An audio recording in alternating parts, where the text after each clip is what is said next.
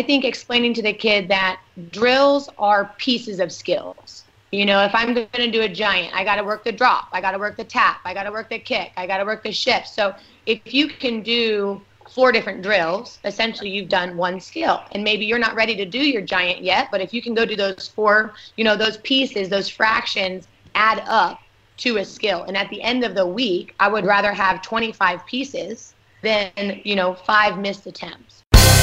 Energym Music is floor music that rocks. This is our 15th season. Did you know all our music is legal and licensed? That means we don't cut music, we create music. At Energym Music, we are dedicated to great customer service and creating floor music that rocks. Thanks for 15 great years. It's Energym's 15th season, and they are excited to offer a 15% discount for all our Region 5 listeners. Go to energymmusic.com and use R5 Insider 15 at checkout. That's R5 Insider 15 for 15% off your floor music for the 2019 season. Energym Music is floor music that rocks. You are listening to the Region 5 Insider Podcast, Episode 6. Having a difficult time with motivating your athletes? Does it feel like you are always on a different page? Do you seem like you want it more than they do? On this episode, we discuss ways to create and promote positive motivation individually and as a team. I'm a Region 5, we are burning fire. Say one, two, ready or not, here I come, coming in hot. I'ma take my body for a spin. Hey everybody, Jason here, editor in chief of the Region 5 Gymnastics Insider. And joining me as always are insider admins Kim Dallas and Jason Buttons. Thanks for tuning in for our sixth Region 5 Insider podcast presented by Spieth America, trusted gymnasium and sports equipment manufacturer in North America for over 50 years. And Energym Music, floor music that rocks. Use Region 5 Insider 15 for 15% off your music purchase for the 2019 season. The code for 15% off is good through October 31st. I would like to thank all of our current Insider patrons for contributing to the Region 5 Insider.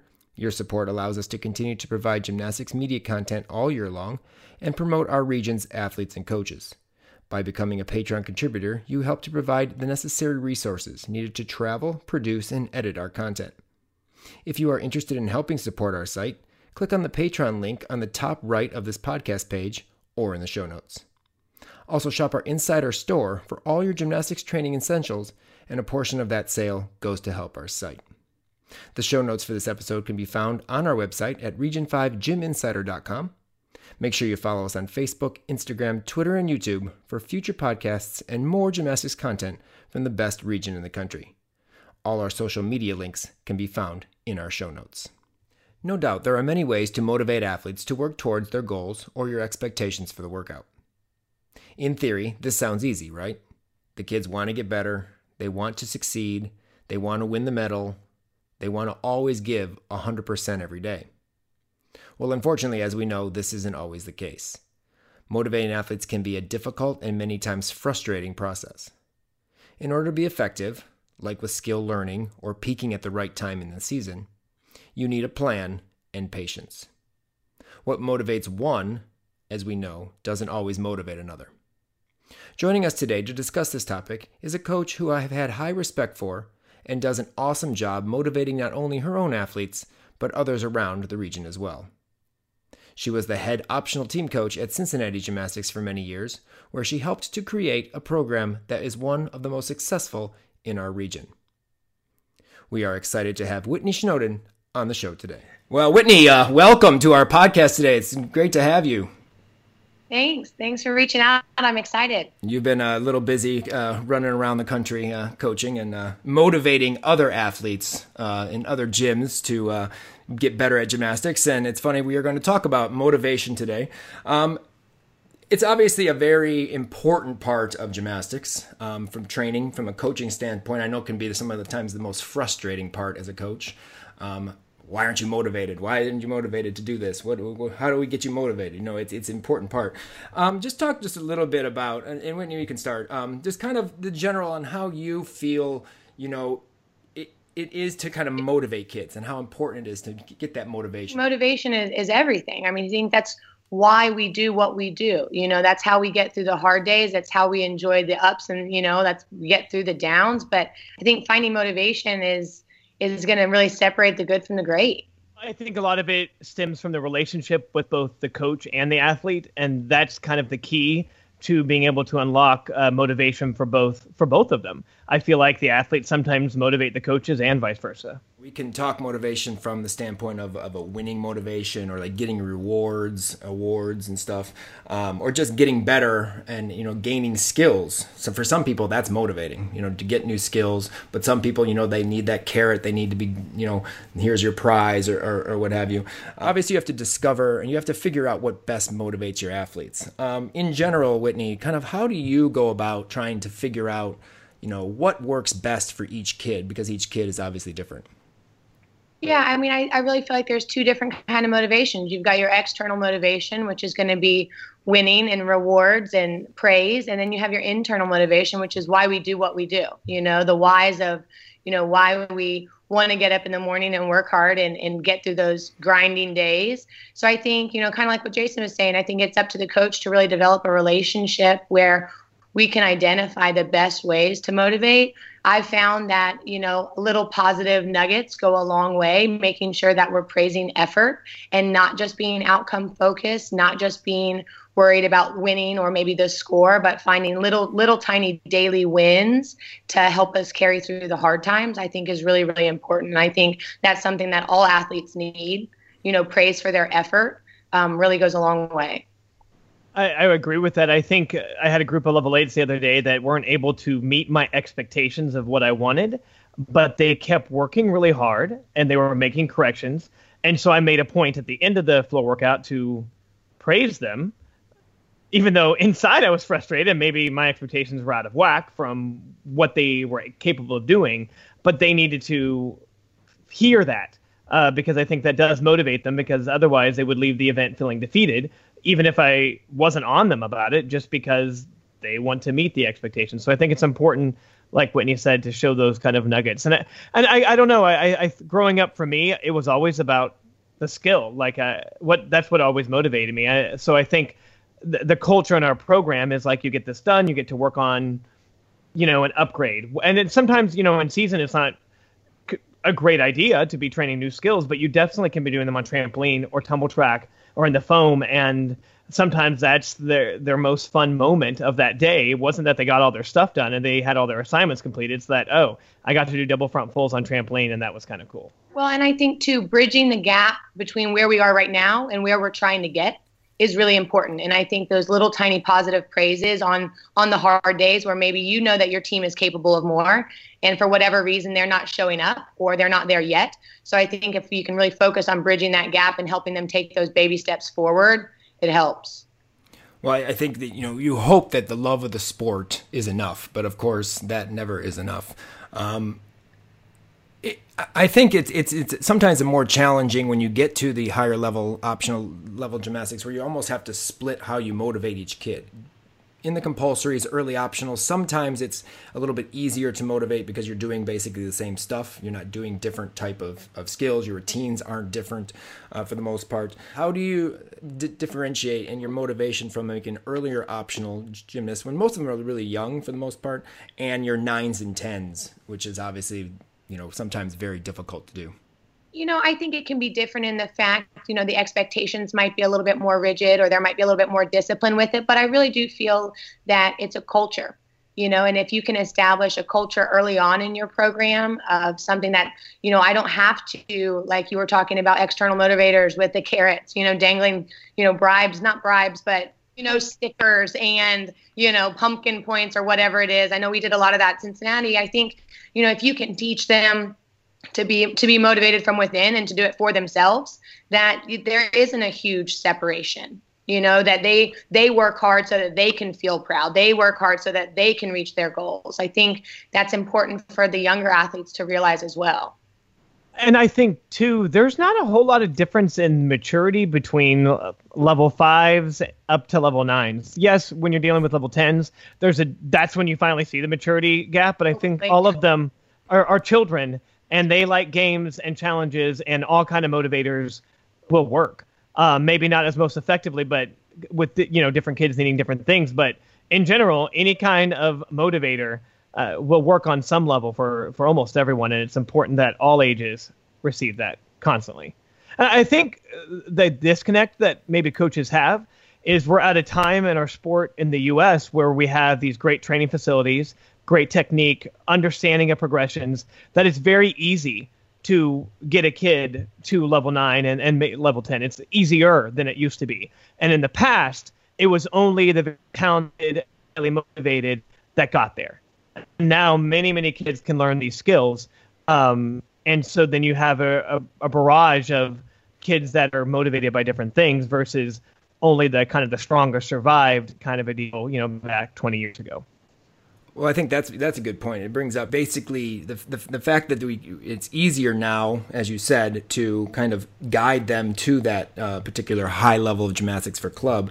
But there is there is a uh, situation that I know is is um, kind of difficult, uh, and it's the way in which you may have to motivate an athlete, uh, certain athletes, and it, more to like the punishment criticism type um, way because some kids respond to that or you think they do you know and they may seem like they do or you have to well if you don't hit this one you have to do five, you know five more or you you know what, whatever it is or if you, you know you don't make this first routine you got to do this you got to do that.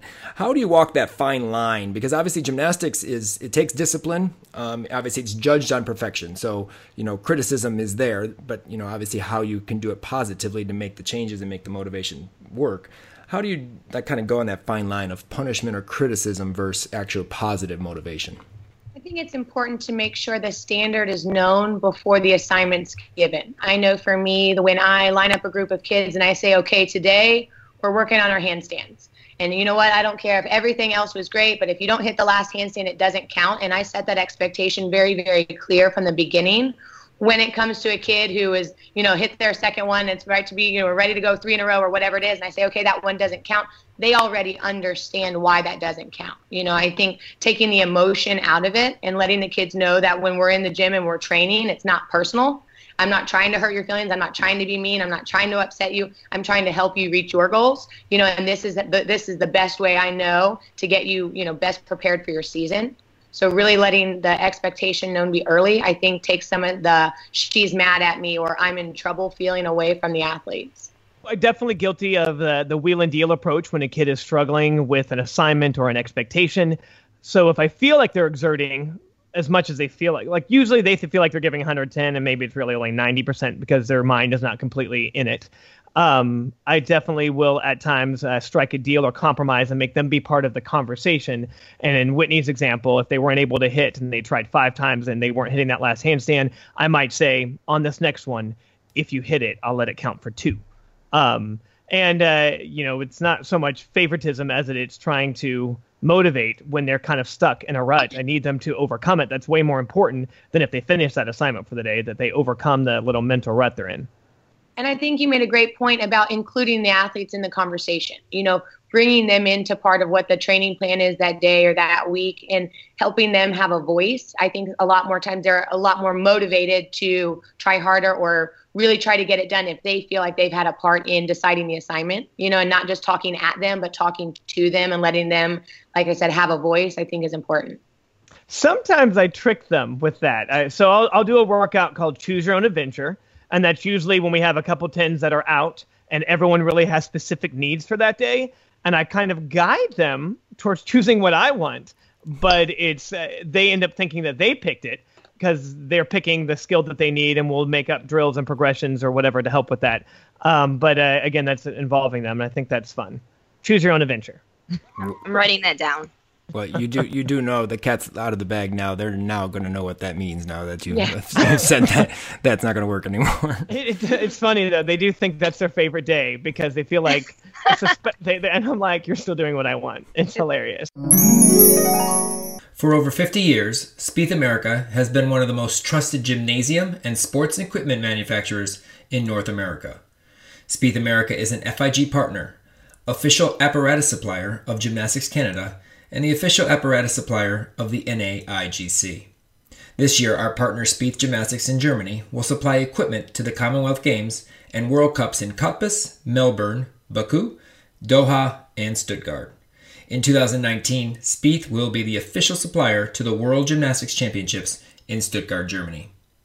Spieth America has now relocated to Michigan and is excited to be offering world class equipment at affordable rates to events looking for equipment rentals. If you have any questions about Spieth equipment, please visit spiethamerica.com. Spieth America is proud to be an official sponsor of the Region 5 Gymnastics Insider. There are always those athletes in your groups that require that negative criticism or that negative motivation quote unquote because maybe they have it at home. Maybe that's the way their parents motivate them or that's the way they've been raised and, and what have you where you got to tell them it was bad. You know when you have a group of athletes and you have you're trying to be as positive as possible but you know you have that one kid or maybe a couple of them that are are only motivated that way how do you balance that out so it's a positive like atmosphere for all you know, it's hard. I mean, it's hard, especially when you've got a group and they're not the only ones that you're training. I think that's important. I think that's where a coach has to be really organized with thoughts. I know for me, I like to video. If I feel like I'm not getting through to a kid and I'm not making a connection or, you know, they're taking things personally, I'll, ta- I'll whip out my iPad and I'll, I'll film something. I'll say, what do you see?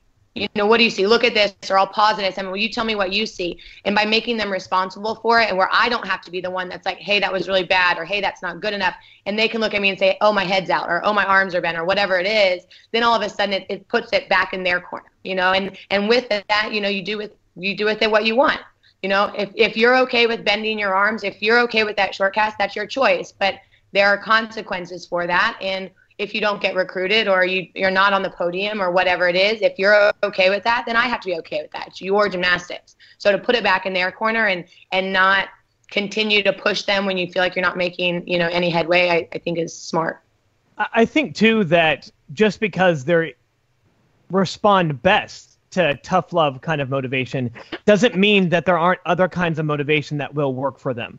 It may not produce as quick or as great of a result, but I think ultimately you're just gonna be frustrated and no one likes to go into that mode all the time. I get maybe if you were in a pressure cooker kind of situation and you needed them to snap out of it maybe at regionals because they were being and so, so, you give them that tough love real quick that's fine in a, a high pressure but in practice if you're doing that all the time one it desensitizes them to it uh, two, it just makes the coaches or the kids think you're in a bad mood when you're not. You're really just trying to help this kid. You got to unlock the other motivators that work for them, and not just the one that works the easiest, which might be you know that tough love because of their home environment or their upbringing or, or whatever it might be. Uh, you got to find the other ones.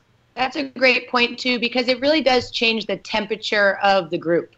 You know, when you've got one kid who's being super negative or just down in the dumps or you know rolling their eyes or whatever it is it rubs off on the other kids. So I think that's a great point, Jason, about, you know, even though that's how they might, you know, respond best, if it's not the best for your team, I think it's important to try to change that that mindset. So moving on um, with obviously figuring out once you figure out how do you kind of you know motivate your mm-hmm. athletes because that's important to know how each athlete kind of uh, works and, and how you get into getting into their best gymnastics the why question. And why comes a lot with drills. Um, I, I, find it with the drills uh, that you, you do. Obviously, sometimes you have to be a salesman. Sometimes drills are just fun to start off and the kids want to do them. And sometimes that's what they go to and they just stay in their drill and they never ever go to another station, you know, and, and move on to the you know, stuff that they need to work on. But then there are the drills where they just, you know, they get to a point where like, you know, why are we doing this? You know, what is the point of it? I'm not motivated to do it. I'll skip that drill because I'd rather go do that double flyaway or that release on pit bar or what have you. You know, instead of working on the shape on the tumble track bar or what, you know, whatever the specific situation may be. How do you go about, you know, being a salesman? Being, you know, you can't just be a coach. You have to sell what you're doing and, and how you're doing it. I think that's where the teacher aspect comes in. You know, we have to teach them if I do this, then that happens. We do this because of this. And I find that a lot with conditioning that if I take the time to explain to the kids, okay, we're going to do a lot of backside core today because, you know, we can't get our hips up and tight on our Yurchenkos or we can't keep our legs tight on our tap to the bottom. If I take the time to explain it and not just tell them what to do, but explain why we're doing it, they buy in a lot more. You know, the same thing with the drills. You know, one or two times and you're unsuccessful, we have to go back and, you know, Valeria used to say, take your medicine you know, go back and take your medicine and realizing that we're undoing not the damage, but the negative reps. You know, we still want to be making forward progress, even if we're not making a skill or, or you know, competing a skill yet. We still have to be taking those steps forward, and the drills are going to help bridge that gap. We have one uh, level nine this year that she's been very quiet up until the season and now she keeps asking all these questions about drills and progressions and conditioning. And I kind of feel bad that I have never explained it to her because now she's buying into it more because she's truly understanding that we're not repeating something or doing something for no reason. Um, and that's, again, that's a fault on, on us on not allowing them to be part of what we're doing and just, oh, do this because I said so. I think that's that's probably one of the most important parts, and I know I want to definitely touch on that. You never want to assume that your athletes know why you're having something done. And even if it's a fun drill, I mean, they may want to run over there and do it 100 times because it's so much fun to do. But if they don't necessarily understand what it's for, they may just do the drill. I mean, they may not even be doing it to the way you actually ask them to do it because they just, you know, they don't really particularly understand what it's for. So you have to make sure that you never assume anything that they understand, and it's important that you explain, as you know, Whitney said about you know the conditioning per- perspective I'm making your skill stronger. If you do this here in conditioning and I, you do it this way, it's going to then help, hey, the tap swing on bars or this or, or that on the events. I think what ends up happening is obviously when I'm coaching like level two, three, or four or five, I explain a lot all the time because in my mind they're new and fresh. And when you have those kids that are in a mixed level, like you have first year eights and second year eights and first year nines, second year nines, sometimes you take for granted because you know the kids understand the drill and they everyone does the drill, but if you don't break it down every time to them, they're not going to innately know why they're doing it unless you explain it. And uh, that's, I guess, where we end up in that trap of not explaining when you are at work with your higher kids. You take for granted, assuming that they all know, and they don't. I'll ask my kids questions a lot. Like, even the older ones that have been here a long time, if they're doing the drill, but I'll just be like, okay, why are we doing this? Or tell me, or do you remember why we do this? Show me why. Tell me why because sometimes they'll look at you like, uh, I don't know why we do this, even though you've explained it a million times. Or like other coaches who are doing drills and they just keep doing the same drills over and over and over every day, the kids get bored and then they forget why they're doing that drill. That's great, Kim, because too, you know, as as they get they progress from drills to actual skills, you know, using your MC, using that mental choreography to be able to, you know, one word focus, you know, have an intention for each turn. If they can't reiterate to you why they're doing a drill, chances are they don't know exactly what they're supposed to be doing inside a skill. Right. You know, and we're talking high level, super technical bar, let's say release moves on bars. If they can't, you know, sit up, look, or whatever the correction may be, it's chances are it's not going to be as consistent. So I think it's good for as we get ready for, you know, routine preparation too, that they know exactly why they're doing it and how it's supposed to be done, but they need to be able to explain it to the kid behind them like I don't know in your programs, but I know in mine sometimes with kids, if they're stuck on a skill and we make them go back, like take steps backwards and go do the drill again or start from the bottom, they see that as a negative and a like I'm being punished because I can't do my back handspring on the high beam. I have to go all the way back to the beginning. How do you deal with that? I think it's in your delivery. If you say, "Hey, you need to go back to the low beam because you keep jumping off the high beam," that if you deliver it like that, yes, they're going to see it as a negative. We say, "You know what? I really want to take a step back and work these a little bit on the low beam and see if we can fix that back foot as you're stepping on your handspring, handspring. Then they won't see it as a negative. So it's if you deliver it the correct way, yeah, it will work. If you don't, it yeah, it ends up being a negative. I kind of have a general like rule of thumb where like two strikes and you're out, and and I, I say that, and that, that's during lineup. And again, I set that expectation from the beginning of workout that okay, we're going to try upgrades today, and I'm going to let you try your shoot overs but if your feet come apart two times in a row, we have to go back and be successful. You know, I think not letting the kid get into a habit where they're going to do 10 in a row that are not quite what I want to see or what I'm focused on, and, and just letting them know, hey, I'm not mad at you, but two tries and you got to go back a step just so that we can continue to build forward progress and make make strides towards what we want you know not just get yeah. the skill i think that's actually a very good point whitney because you know you can you can see results um, like you know, they, they do their drill and they, you say, okay, it's time to move it up. And then they're successful one or two turns, but then something starts creeping in and, you know, they start pulling their head out. You said their legs separate on a bail. Um, you have to go back and you have to say, you know what? Hey, we did these drills and then your first two, three turns, they were good. You know, but now you start to forget maybe what that drill was doing or what you know what that is. We have to go back. Let's do two or three more and then come back up and try it again.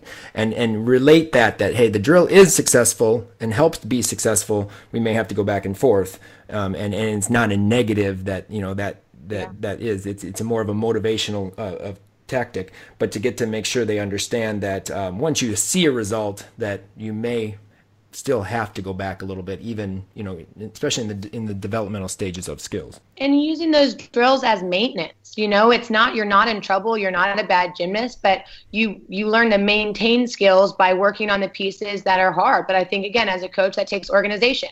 You might have three different kids on bars, you know, doing giants, and all of their giants have different issues, you know, and making sure they're you're not just saying, okay, go do that candle hold but having you know taken the time to explain okay your chest is out you need to do this drill you know all right your legs are bent. What drill could you do? You know and and making sure they really understand that drills are going to help complement their their skills. It's not you're in trouble. Right. And I, I, think that the one thing I know sometimes I have with sometimes with the sevens and eights, usually the nines and tens already start to, to get that, but the whip taps or the tap swings in their basic warm up. Well, I already do giants. Well, yes, I understand you do giants, but you're still not fully opening your hips. You're not, you know, your legs are bent at the bottom of the bar as you arch.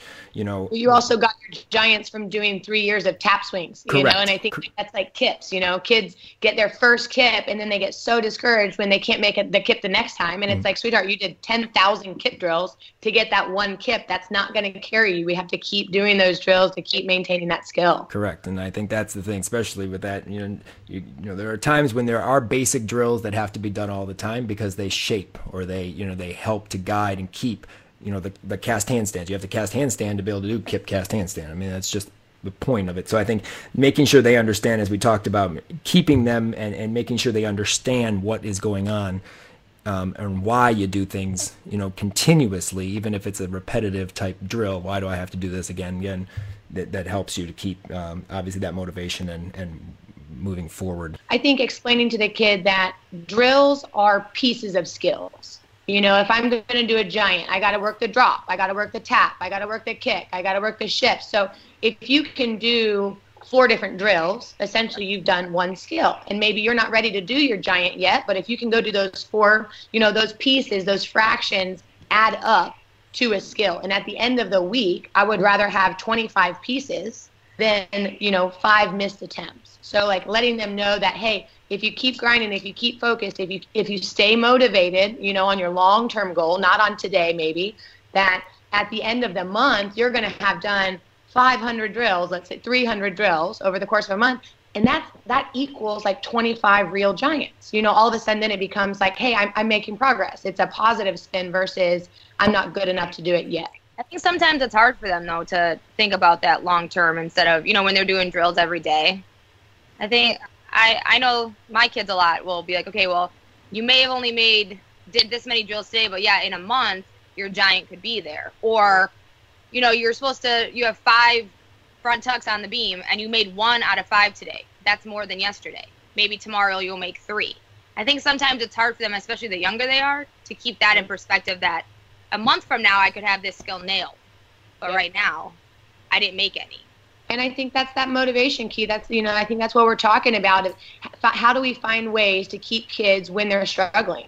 You know, it's easy to be motivated when you have full energy and your ankles feel good and it's Monday, you know, Monday or Tuesday. It's a lot harder at Friday night when you don't want to be there and, you know, you're sore or tired or you've got homework or whatever the excuse is.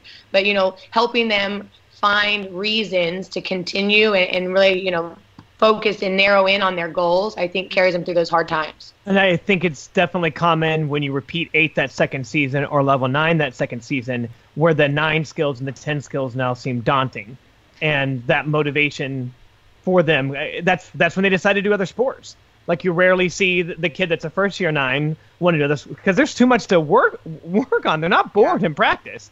Um, but when they're repeating that eight year or that nine year and that's when like um, maybe i want to try a different sport maybe i want to do something else and that's when it's our job to uh, find whatever unlocks that motivation to help them throughout that season. Maybe that uh, motivation can be found with, you know, uh, trying to make sure it, they understand it, it helps the team or it's going to be better for the team. And that brings up my next is obviously our sport is not a, a team sport per se. It's an individual sport. Um, but how how do you use like obviously the college mindset because there's motivation. I mean KJ at Oklahoma. I mean she's probably one of the best in terms of getting the kids to kind of buy in and be motivated for what they're doing. I mean granted hopefully they are motivated, but you know gymnastics is gymnastics and and and they've been in it for so many years. Um, how do you kind of you know kind of gel the team aspect of maybe trying to push and and, and using some motivation um, to kind of get that mindset of, hey, this is for the team, this is for the best of the team, this is going to help us all get to where we want to get to? I think when you split them into teams, like little mini teams in practice, uh, we'll do these like challenges where, uh, you know, you, you'll be partnered with someone or be a trio with someone. And something I'll do on floor is, all right, you have, I make it complicated because I think it's fun. So I make up all these crazy rules about what their passes are worth. And if you stick it or if you lunge or you hop, and then they add up points. So then they're working together as a team with a trio of like, all right, you're going to go do your full because you know you can stick that, and I'm going to do my double salto because I can make my second flip higher than the first. And then so they're doing this to to work as a little team. I think that helps them.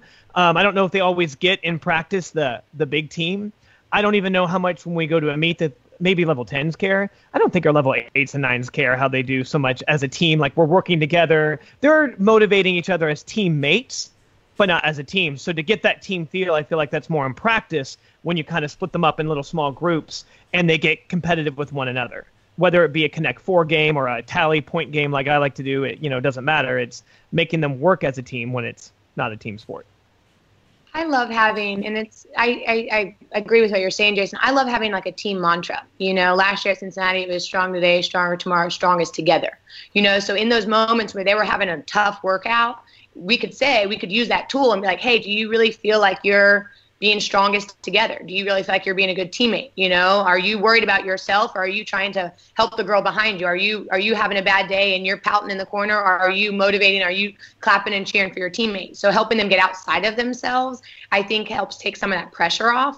I know I like to try to point out, you know, we're a team and what makes a team a team is that every individual is different and that each of you have a piece that you can bring to the team that's going to help. So making sure that you're developing your strengths, you know, and working on your weaknesses so that together collaboratively as a team we're the strongest we can be. You know, and pointing out the, that that individual worth I think is great. Just this week I did something kind of just being silly and now it's something I want to do all the time, but we have a dry erase board and I wrote a question at the top like why do you love doing gymnastics? And just didn't say anything to them one of the kids saw it, took out the marker, wrote an answer. And then I put one on there that I thought I liked because I wanted them to think that they came up with. And then someone else saw it. I'm like, oh, that's such a cute. That's so. One of the things was, oh, I like watching what the level 10s do, wanting to do that one day. That's the one I wrote, pretending to be one of the kids. And a level 8 saw that and felt motivated by it. And then they all started like writing different things. So uh, anything that goes along with what Whitney said with a mantra or a theme, whether it be to the day, the year, the month, the season, it helps they, they like stuff like that. I always try to make the tens aware of the guys that are on them you know, or, you know, I'll, I'll, include if we're watching a bar routine, all right, hey, level four, do you guys want to come over and be the judges? And that way the tens realize, hey, when I'm, you know, in the chalk bucket, I'm not just in the chalk bucket alone. I have eyes on me, you know, making them just uh, aware and responsible for their body language and their attitudes. I think helps them, like I said, kind of cut the emotion and take the emotion out of it, realizing that they really are impacting the younger girls. You know, they really are setting a standard for the younger girls. I know on Mondays our five through sevens train with our nines and tens. So we're uh, the, we have four coaches and we go through four events and they kind of all rotate through us and then they condition all together. And I didn't really realize this, but some of the level fives and sevens were talking about how they really try hard on Mondays because they want to be like the nines and tens and they're not complaining and they're working hard. So sometimes it, eh, just partnering them up with one another is all you have to do. Um, mm-hmm. And that's mo- it motivates both. The nine and ten isn't going to shirk when they have a little seven watching them, and the seven wants to live up to the expectation. Like it's just that's all you have to do. I like partner, partner stuff. Yeah, partner stuff is great. You know, especially when you're building consistency. Okay, you got to do four in a row. You know, you go, you go, you go, whatever, and back and forth. And then that takes kind of, it builds pressure, you know, because they don't want to mess up. They don't want to let their friends down. They don't want to be the one that makes the group have to start over, you know. So sometimes you can help push through fears that way or, you know, make bigger corrections, maybe get them out of their comfort zone a little bit because they do want that peer respect. They do want to be the one that like wins for the group, not the one that lets them down. So I think taking in it removes the coach pressure because they don't want to let their friends down. And that, that's a good point. And, and, being also from a standpoint of maybe leaders or future leaders, you know, I know, and, and I talk obviously from experience of our kids. I know uh, our tens do a good job of um, always trying to encourage, like when a kid's down or are not looking like they're having a good day. Um, I know they're very good at, hey, you know, you know what, we've gone through this, or giving them some examples of what they've had to go through. Um, and many of them know, you know, what Cassie and Peyton have gone through in, in their in their time. But but just to, right away, they're very good at getting down there and getting and getting in. Even in kids in not in their group, in the in the four group, uh, Peyton's sister is a level four. She's very good at hey hey, you know what? You, next time you can do it. You're gonna do it better next time. I saw you do a beautiful vault like two turns ago.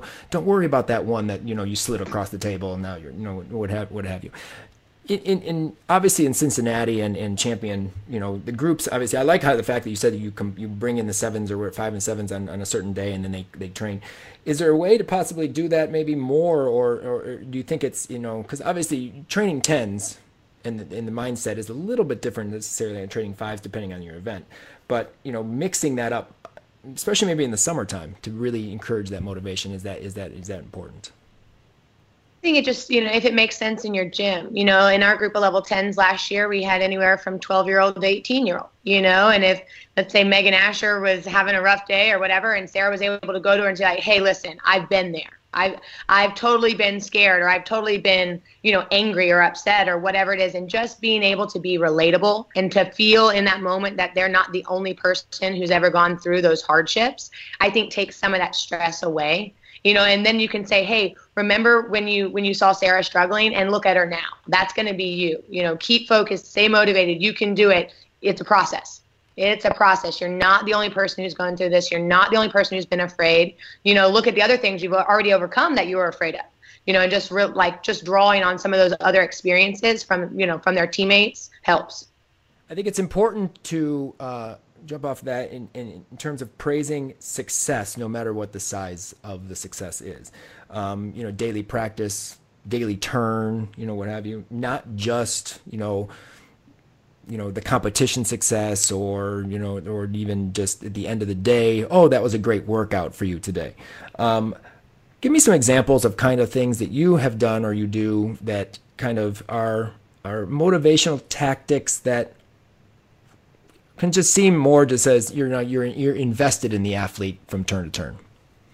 I think the word proud does wonders. You know, if you take that in, like you said, at the end of a lineup, you go, okay, guys, great workout. That that's good. You know, you're addressing good workout, good job, you're dismissed. But when you pull a kid to the side and you look at him, you know, in the eyes and you say, I am so proud of how brave you were. I am so proud of how strong you were, or whatever that adjective is really using that word i think goes a long way with kids because that's what they want to do. They they want to make us happy. They they are pleasers. You know they they do want us to be excited for them you know? So making sure that we're being very very detailed with our praise and think is key. And also making sure that the steps that you're asking them to do are small. Because to go from x all the way to z or whatever it is sometimes isn't realistic. So letting them know that even if they're failing if they're failing forward that's still progress. You're not there yet, but today you got two inches closer. Today you tapped the bar. You know, maybe next week you'll catch the bar. I'm so proud of you for being brave.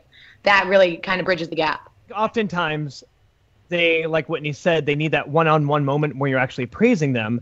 And it's kind of a misnomer that they need that compliment sandwich because oftentimes all they hear in a compliment sandwich is the critique. They don't hear that was a really good turn. I need you still a bit more, but I really like how you turned your roundoff over. They're not listening to that. They they just heard that oh it was still not good enough. So I think it's important oftentimes to just give them uh, the the compliment and not so much the critiques. We want the bread, not the meat. give them the bread. No meat. But but you're right, Jason. I mean, I think they do. They hear what they want to hear, and because it is such a, a critique, you know, that it's easy to just stick with the negative, and they don't hear that. So to take the time, and again, I think that's where that failing forward comes in. Okay, you're learning the Jaeger, and you're not there to hook the bar yet. But this time, all I want you to do is keep your head neutral. Okay, you kept your head neutral. Done. End. End of the comment. End of the end of the hmm. conversation. Joshua Tree Skincare is cultivated by athletes for athletes. Organic and all natural products for your time in the gym. The Gymnast Salve keeps your hands tough and conditioned without losing calluses. It repairs rips and tears quicker. Joshua Tree is a product I wish was around when I was competing. Our athletes at Palmer's Gymnastics and many around the region use it regularly to keep their hands bar ready. If you want to get your hands on this product or interested in selling it at your gym, please go to region5gymnasticsinsider.com forward slash jtree gymnastics balm or email us at region5insider at gmail.com and put J-Tree Gym Balm in the subject line. Joshua Tree Gym Balm. It heals like a rest day. Uh, Whitney, earlier you had talked about in an earlier segment um, about creating creating the culture of excellence in a gym. Um, how do you kind of drape the culture of excellence for motivation when you have different standards, or necessarily not just different standards, but different ways you have to motivate each kid, but yet you get a whole culture together of excellence with that type of motivation? It's hard. I, I think that's where that team that team mantra. You know, what does our season look like? What do we, you know, we sit at the, sit at the beginning of a season.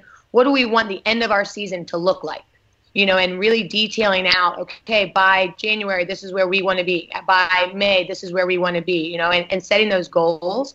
I think you can draw back on that when the motivation is a little bit lacking. But if you haven't, I think that's where the, the culture starts. You know, having a plan, having a focus, having an end game that we're trying to reach. If you don't have that, you're kind of just, you know, in the dark. I, I hear myself saying, you know, we, we're on different pages we got to be on the same page. You know, we're on the same team. If I feel like an athlete's getting frustrated with me because maybe I'm, you know, really focused in on something, we I kind of draw them back in, and, and we got to get on the same page. We're on the same team, working towards that same goal.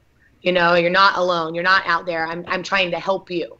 So I think the culture really does start with deciding what kind of athletes we want to be, what kind of team we want to have, how we want to feel when we walk out on the floor, you know, and letting the kids have a part of that conversation. Not just telling them what you want to see, but letting them decide, okay, when I walk into the meet, this is how I want to feel. Okay, how are we going to get there? Well, I need to be consistent. Okay, how are we going to do that? I need to hit three in a row or whatever that number is, or letting them kind of come up with a plan and starting at the end of the season and working our way back is is a good way to start building that culture.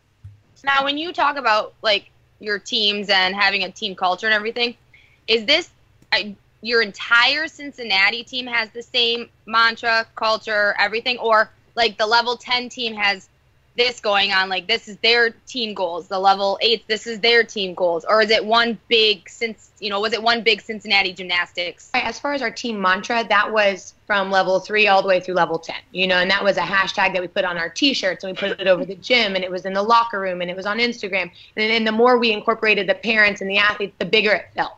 And like i said then you could really draw on it. Then you could really bring it into those workouts where you got nothing else to go on. Um, but individually, you know, we had, I think we only had six level nines last season.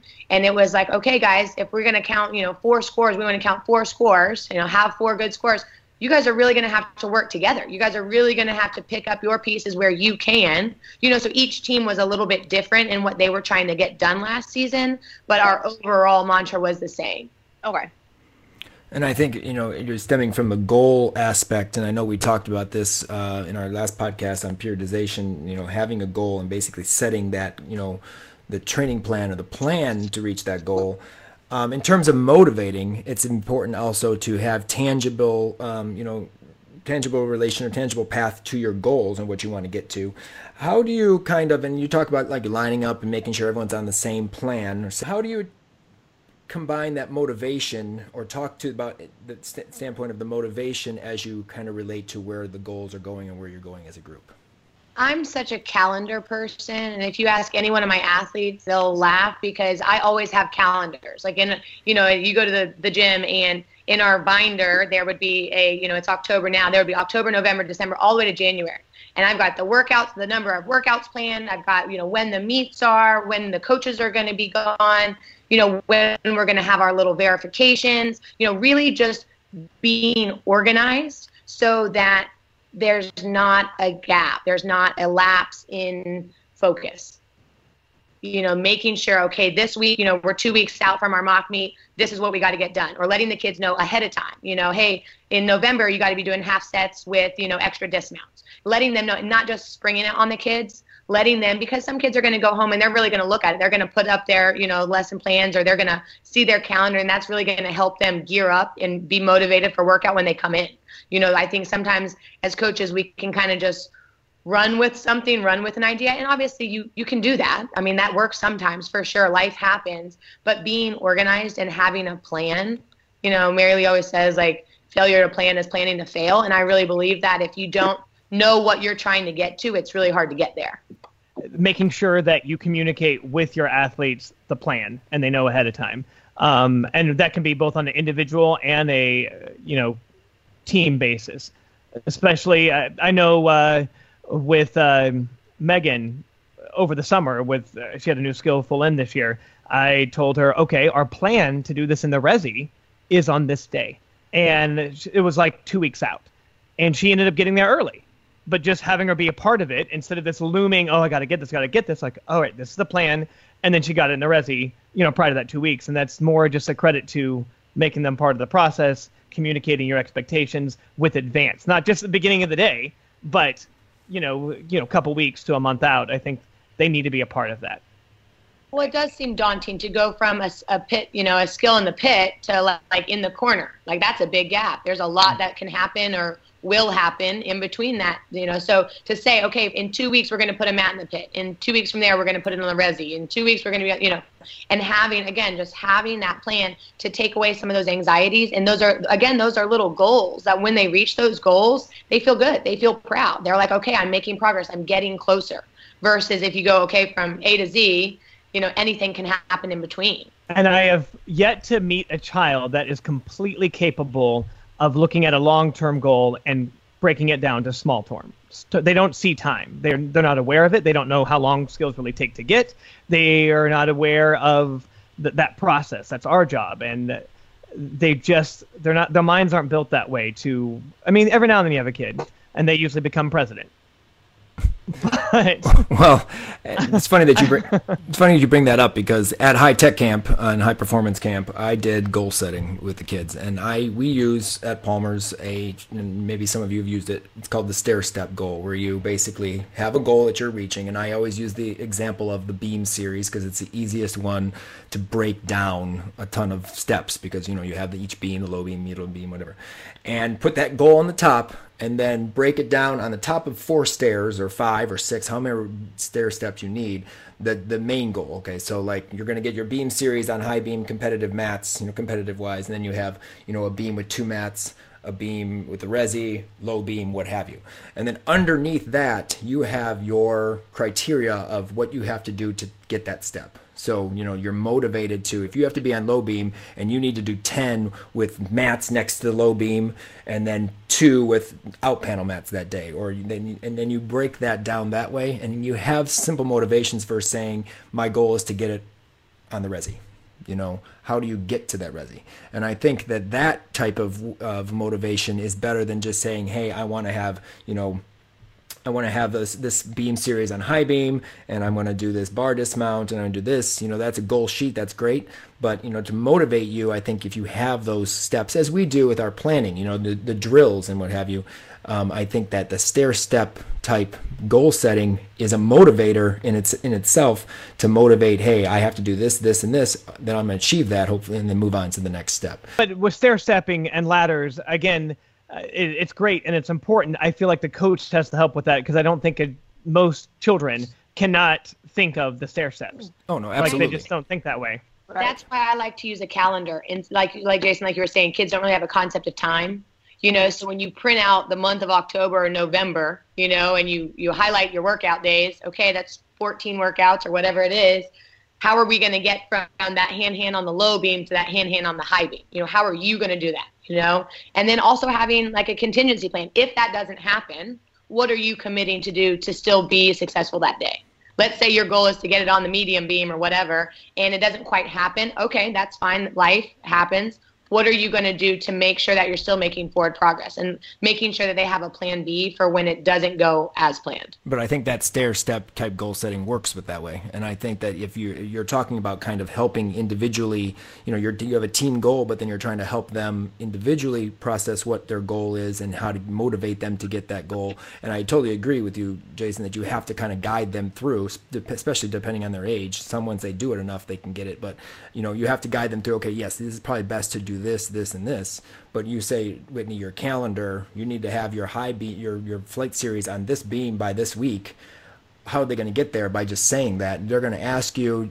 I think if they, you know when they when they have an idea of the here here's what they have to get, and then they have step one, step two, step three. Now I've reached that. Now I move to the next step. Oh, now I'm, I'm here. How do I get there? I got to this point. Now what do I need to do? Oh, here's step one, step two, step three, whatever it is. Right. So I do agree that it, it definitely is kind of coached, kind of guided. It has to be, but I think that's what motivation is anyway, per se. I think that, it's, like I said, it's hard to be self-motivated sometimes these year, these days.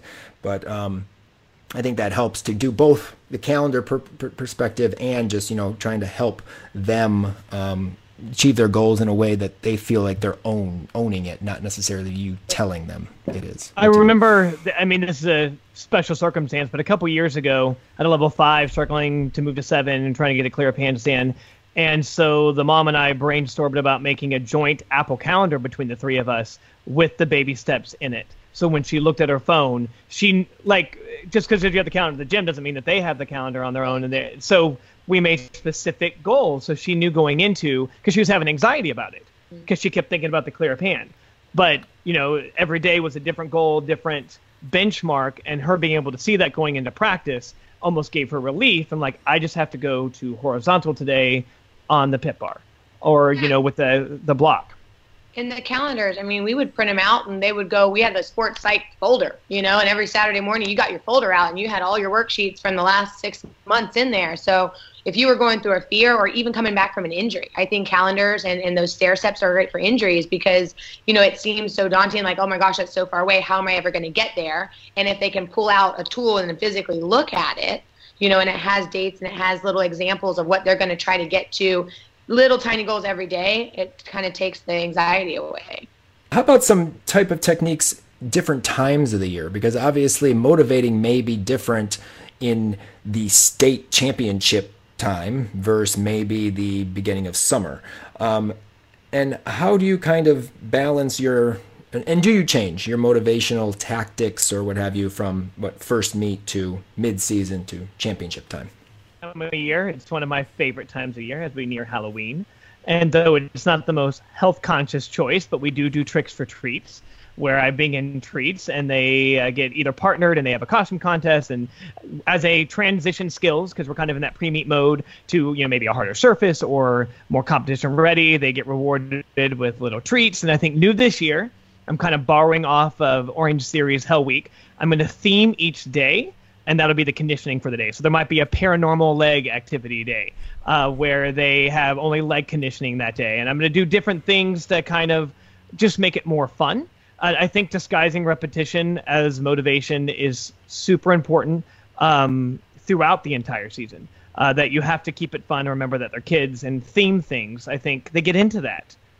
Yeah, I, I agree, and I also think like breeding a little competition in a, in a great way, obviously. So last year we did a fun thing where, you know, the level eight signs and tens competed the same weekend, all the meets. Okay. So we started with our mock meet and let's say the level eights went 112 5 and the level, whatever the nines, and I would come in and that was our starting team score. The next meet, whoever increased their team score the most didn't have to do Saturday morning conditioning you know so like letting them sort of kind of compete against each other and again it was like they were encouraging their level 10 teammates were you know and their level 9 teammates were encouraging each other so much because as a group if they improve by one tenth and you would say that's literally one flex foot. You don't you think you can point your toe a little bit harder? Oh yeah, for sure. And they would it would really buy into it. Then as a group, that team got to you know do their own warm up or skip conditioning or whatever it was. You know, it was different and it changed. But to build as we got into competition season to really gain those last few little tenths of a point that were super important. You know, I would kind of and it was hard because our level eights had 14 kids and our nines only had six kids you know but sometimes our level nines would go out and rock a meet and they would have a huge team score you know and maybe the 10s were doing harder stuff so they wouldn't have as high a team score whatever it was. But it was a fun way for them to just be competitive with one another. From the standpoint of like you know the kids go into a competition and they score the 9-5 you know but in practice you see an 8-7 because they're not fixing the little things that you think should be deducted and may may not be deducted. But we get to a regional championship meet and you got four judges watching, not two. You know, a lot of times some of those things get seen. They they definitely are. It's easier for four people to see something than obviously the two. Um, how do you motivate that from the standpoint of yes i know yeah you got a 9-5 last weekend but you're still not you know landing your you're, you're sticking your dismount your handstands not perfectly vertical your feet are still apart on a bar like that and be positive about I, it well, I rarely give a kid a, a score goal. Oh, I'm not talking about score. Uh, I'm talking about you know what they're expecting, but they're not getting deducted for. I have nothing to do with not not talk about scores at all. I'm talking about trying to get those extra tenths that maybe there you think you're getting because the judges aren't taking the deductions in maybe let's say the middle of season meets but we get to regionals and four judges are going to see a handstand that may not be there or a flexed foot or legs apart maybe because from their angle with the four they may see what they don't see with two judges sitting next to each other that type of thing to know what you're going towards motivation wise but not be negative about that I think that's where you pull out the, you know, the film, like kind of like a football team. You know, after the game on Friday night, you come in, and the first thing you do is you watch the game. And because in that moment, you think you're doing something. In that moment, you think your head is in or you think your legs are straight. But when you play it back, you know, and it's in a relaxed atmosphere, and okay, now we're ready to train. You know, Saturdays for me in the gym last year were a lot about weakness work.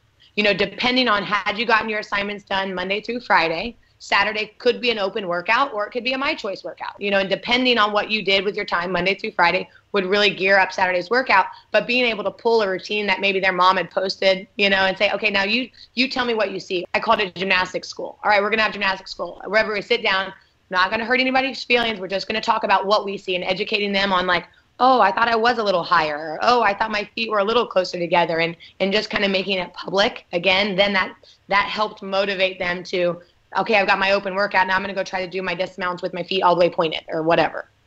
I know Rakaya after every meet, since I videotape all the routines, she will make them look at their beam video and write down all the deductions that they see, kind of going frame by frame, and then their assignment going into that next meet is based on what they actually ended up competing, that they kind of make themselves. Let's say it's getting the championship season, you know, we just finished state meet. Okay, our our team stuff is done. Now it's really going to be individual, and I'll pull up you know, uh, a couple of videos of a college meet that just happened. Okay, you say you want to go to LSU. This is the Vault LSU lineup. Where do you think you fit in? You know, or you love Oklahoma. Let's watch Oklahoma on bars. Where do you fit in? Where do you where do you see where you don't actually match up? You know, and just letting them taking where they want to be, and then you know bringing them into like where they actually are, and not in a negative way. Just this is this is the expectation if you want to be on this team you know this summer if you want to get recruited next year these are the things that you're going to have to work on. These are the kind of lineups that you're going to have to fit into. Got dreams of competing in college gymnastics? Whether you're after a Division 1 scholarship or wanting to walk on to a college club team, Full Out Collegiate Recruiting is here to help.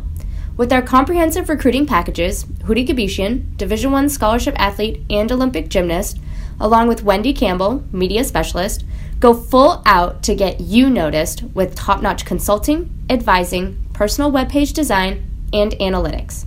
You do the gymnastics, we'll help you with the rest. Schedule your free one hour consultation today. To get started, visit our website at www.fulloutcollegiaterecruiting.com or call us at 440 462 9665. So, some of the things that we have done in the past that coincided with certain events was we had world championships that was during practice so i brought my laptop out and we watched kind of in between and that kind of pumps them up. And then during the olympic year i brought in a projector and we would dim the lights and watch Simone compete, and then we would continue working out and stuff like that. Definitely gets them pumped and excited. They kind of feed off that external energy.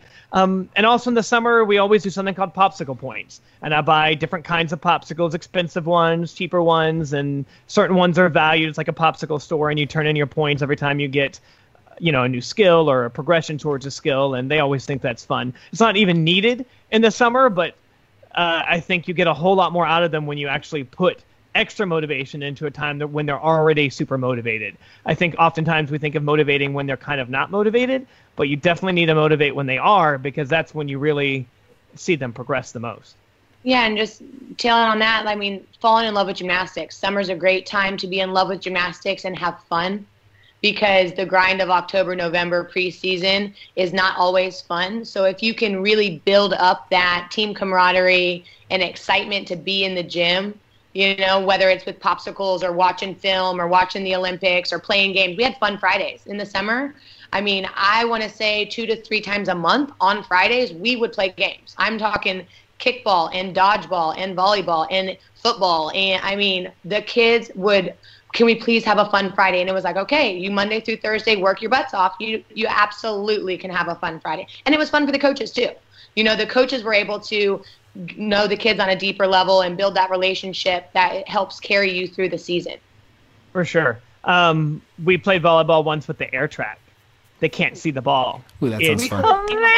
Yes. We put the, a big panel man. yeah, we do Yeah. too. We make it make it blind. Um, Yeah.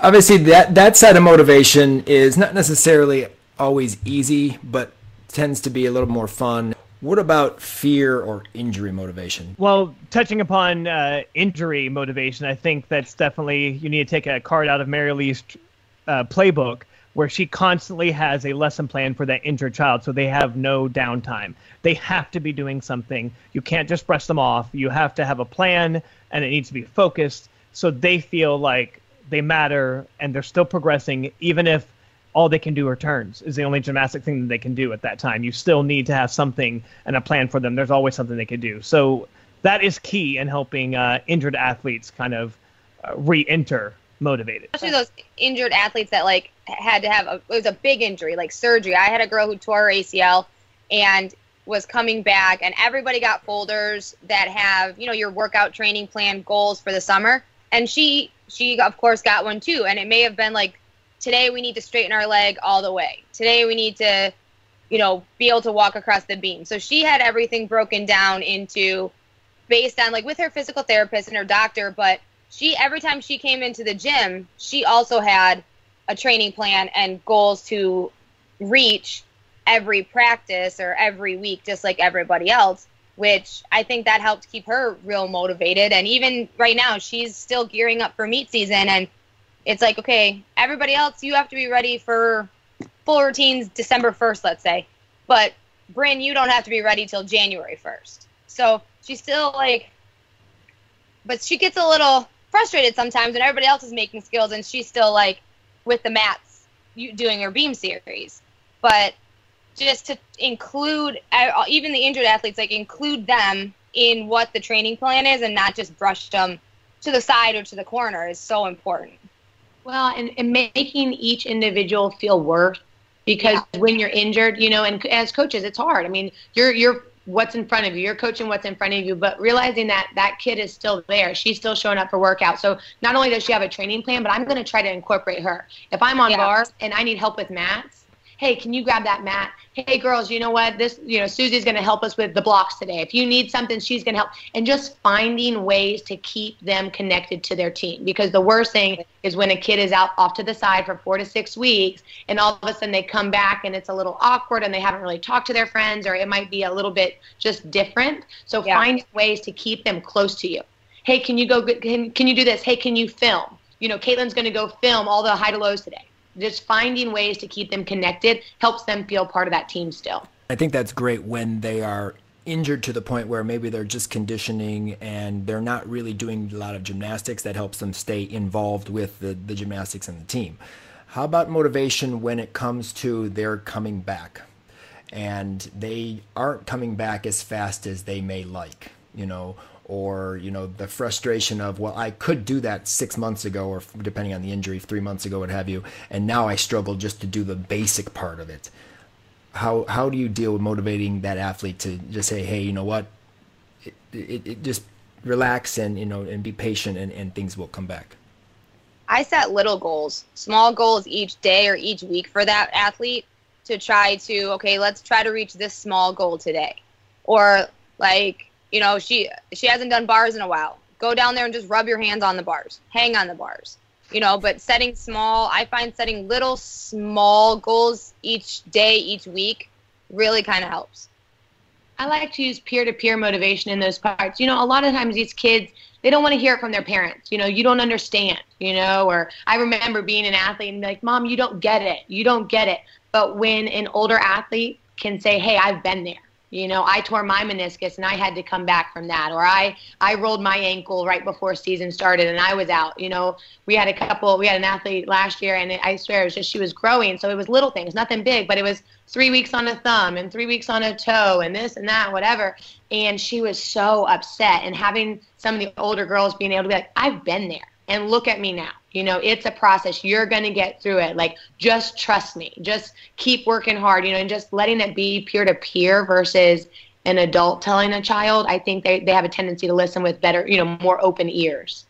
Right. Well, those those kids, those type of kids that are motivated to get back and just get frustrated is one thing. But how about those kids that oh they love being injured, they love not you know they'll they'll stretch that injury out for as long as humanly possible, and uh, you know that eventually they're going to have to come back or you're going to have a parent on your shoulder and talking to you why is my kid not doing this why not do this she's been released for this long how do you motivate and, kind of switch your motivation to get them or keep them involved in the sense of maybe they can do more but maybe they can do stuff but not to the level or the numbers but they're they're they're more than happy with staying on on a, on a resi or or a soft surface when they don't have to and completely you know you know what I mean? Different examples but those kids that really stretch their injury as long as they can I think they do it for other reasons that you may not be aware of. I, I know in my own case, when I was in middle school, I rolled my ankle and I exaggerated the ankle issue for a very, very long time. Mainly, I didn't understand why we had to run a mile before we ran five. That seemed redundant. I'd rather focus on the five. Like, I didn't understand the warm up part of cross country practice. And then my teammates started making fun of me, saying I had a crush on the trainer, and that's why I was doing it. And it wasn't. I just didn't run on that first mile. Um, but against understanding, like I wasn't trying to get out of the workout. I was trying to get out of that warm up. Uh, for another kid in gymnastics, it could be that they are afraid of re-injury, and so they're wanting to go slow. They're wanting to pace themselves so they can make it through the season. And so it's more getting to the root of why are they milking this? Uh, maybe they're depressed and not feel like they're getting ready for college. Maybe they're worried about re-injury, and it's more communicating with them and then keeping communication with the parents so everyone's on the same page. Um, but when they're doing that, it's not just because they're being lazy. There is another factor that is making them make that choice every day. You know, I think uh, if I sense that an athlete isn't really, you know, hungry to get back, then we're going to reassess our, our priorities, you know. And if I feel like I'm going to have a conversation one on one, and if I don't feel any change, then I'm going to bring the parent in, and the three of us are going to sit down, and we're going to make sure that it's all out in the open. And I'm going to and I'm going to say, it's okay if you don't feel ready. It's okay if you don't want to be competing. But in order to go to the meets, in order to do bars, I'm going to need you to have your accountability done. So leading up to a meet, you have to make 75% of the numbers. You know, I'm going to need you to hit at least one routine a day. That's bare minimum, you know? So if you can't do that or you're not ready yet, that's okay, but you're not going to compete that event. You know, and just letting that standard be clear. It's not emotional. I'm not calling you a liar. You know, I'm not telling you that it doesn't hurt or whatever. You're not afraid. But these are our standards. And if you would like to compete this event this weekend, this is what you need to do. And if you don't, that's fine. But if you're not competing, then you're not going to travel to the meet. And I know some come back, um, depending on how long the injury is, or the injury time period is, and maybe what the injury was, and on, on what skill, with some fear issues. But in fear in general, um, what are your best motivational tactics and, and, ways that you combat fear? Because obviously it, it is part of our sport that is that can be a difficult part. um, to deal with, and we hope to always have a motivation or positive motivation sense where we kind of kind of go around that as much as possible. But maybe some examples that you guys use in your gym. I know we use the stair step and, and a few other type goal type things, but uh, from examples of what you've used in the past, maybe from the standpoint of kids coming back from injury. I think it's just pinpointing what the actual fear is. Are you afraid of hyperextending your knee? Are you afraid of crunching your ankle? Or uh, you know, on a simpler level, there was an Xcel kid the other day that the coach was frustrated with, and she wouldn't do handstands on the beam. So I finally got her to admit she was afraid of slipping her hands. Now I've never really heard of someone kicking up to a handstand and slipping your hands and you fall on your head. Like that's not a thing. You're afraid of falling over. But her fear was her hands slipping off when she went to kick. So to solve it, we put the hands on and we donkey kicked it, and then she was able to work towards kicking up to a Xcel level handstand. But it was based on knowing exactly what that fear was. So I feel like that's that's key when they're coming back. You have to know what they're really afraid of, not just afraid. And, and you're spot on with that because I know sometimes it's incredible. I ask, okay, are you afraid? Because you can see it. You can see when they're mm-hmm. being a little tentative or not holding their amplitude's not there. Are you afraid? No. You sure you're not afraid even a tiny bit? Well, maybe a little bit. And in that moment, getting them to even just verbalize and put out into the universe that I'm afraid. I tell them, you know, if I don't know that you're afraid, I can't coach you to be brave. You know, if you're, you have to tell me what you're afraid of. Like you were saying, Jason, you have to tell me what you're afraid of. So as a coach, I can focus on helping you be brave then we'll fix the technique. You know, whatever it is, I you're afraid of missing your hands or splitting the beam. Okay, if you don't want to split the beam, this is the one thing you have to do not to split the beam. Kids think they're doing things and they're not quite doing them the way that we see them. You know, I tell kids, I mean, I'm your eyes. You know, you're you're you're your body. I'm your eyes. I'm watching you do it. So, you know, filming them and saying, okay, it's not that close to the bar, or hey, you're not that high on, or hey, like you're not that under rotated, and just showing them like you're going to be okay. You might fall. I'm not saying you're going to stick it, it's going to be perfect. You might fall down, but you're going to be okay. You're going to be okay. This is how you need to fall when you fall. This is, you know, making sure they know safely how to do skills unsuccessfully, as crazy as that sounds, so that if they do mess up, they can get back up. Each, you know, so the kids aren't afraid. I mean, you let go on a Jaeger and you smack to your tummy, you know, they have to be prepared and taught how to fall correctly mm-hmm. so they don't injure themselves. And a lot of times that can be kind of scary for a kid even to learn to fall correctly sometimes. Sure. But like we remind them like, okay, we've we've taught you how to fall, we've taught you how to safety roll since you were a little kid. Like you know how to fall. Mm-hmm. So it's okay if you fall. Just You're strong enough to take the fall. Right. Just remember how to fall. Mm-hmm. But like with um, going back to like the kids with the injuries and the fear, I know with my um my ACL tear child, she was really afraid of doing something else to her knee by slowly starting to tumble or or whatever. And constant reminders of you did not get hurt in gymnastics because she didn't do it in gymnastics. So we did constant reminders of you didn't get hurt in gymnastics. You're okay. I even, you know, her she has a big bulky knee brace that she only wears for tumbling and vault now. And I put tape on that knee brace that says, I am brave, I am strong, I am something else. And and then I put underneath, not a gymnastics injury. I had to remind her that you didn't do this in gymnastics. Gymnastics is safe. You're safe. And finally and now she's finally, okay, let's do this many mats or let's do this many mats. And now we're down to only wearing our bulky knee brace for tumbling, not for bars, not for beam. We have a slimmer knee brace. So over time, her fear, and once she remembered, like, okay, I am safe, I can do it. This didn't happen in gymnastics, so I'm okay. And those positive mantras, you know, that half full mindset. You know, a lot of times before a competition, especially on bars, you know, I'll have the athlete look at me and I say, You can do it. Tell me you can do it. And they say, I can do it. And they're kind of quiet at first. I said, no, tell me you can do it. And they, they get a little brave. I can do it. And then by the third time, they're like, I can do it. And they really believe, you know, and they feel corny. They feel a little goofy saying it the first time. But, you know, Maggie Mace is a great example. She would look at me and she'd be like, I can do it. By the end of the season, Michaela Stuckey, I wouldn't even be in, in like close to her. And she would already be saying, Whitney, I can do it. I can do it. Hmm. And I had taught her how to just okay, you know what? I'm going to attack. I'm prepared. I've done the numbers. My body is safe. I'm strong. I'm brave. I, you know, I was I was ready to go. So I think just really filling filling them and teaching them how to be half full instead of half empty, which is obviously right, a lot easier, is is huge.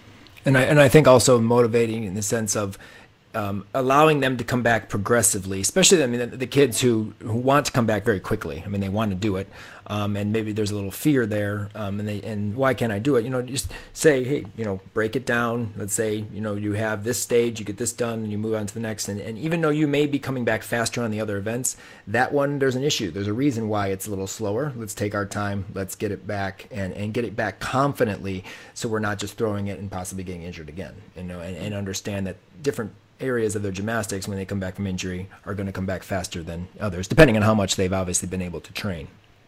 Um, on other events, um, do we have any other final thoughts? Because I know motivation kind is is definitely an important part, and it's from a coaching standpoint, you know, can be the, the toughest part because sometimes you can't control. You hope you can help, but they have to want to do it. I think in general, what coaches struggle the most with, most coaches were athletes themselves and they were highly motivated themselves just by nature. And so I think sometimes if you're wired that way, you forget that you still have to continually instill it.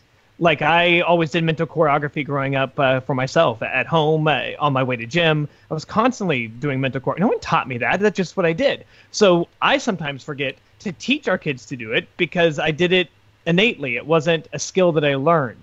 And I think for the highly motivated that are already in this profession as coaches, uh, remembering to teach them to be motivated, to set goals, all the things that we talked about. Not all these kids in our program are wired that way. Yes, you do have a couple that requires zero effort on your part to motivate them. They are always in with a goal and a mission. We've we've all had those kids. Those are great to coach, but the entire program is not that way. And it's learning to remind yourself to have that at your forefront, teaching them how to be motivated, to set goals, all of that. I think it's important for coaches to stay motivated. You know, we expect our athletes to be motivated and come in and excited and energetic and enthusiastic.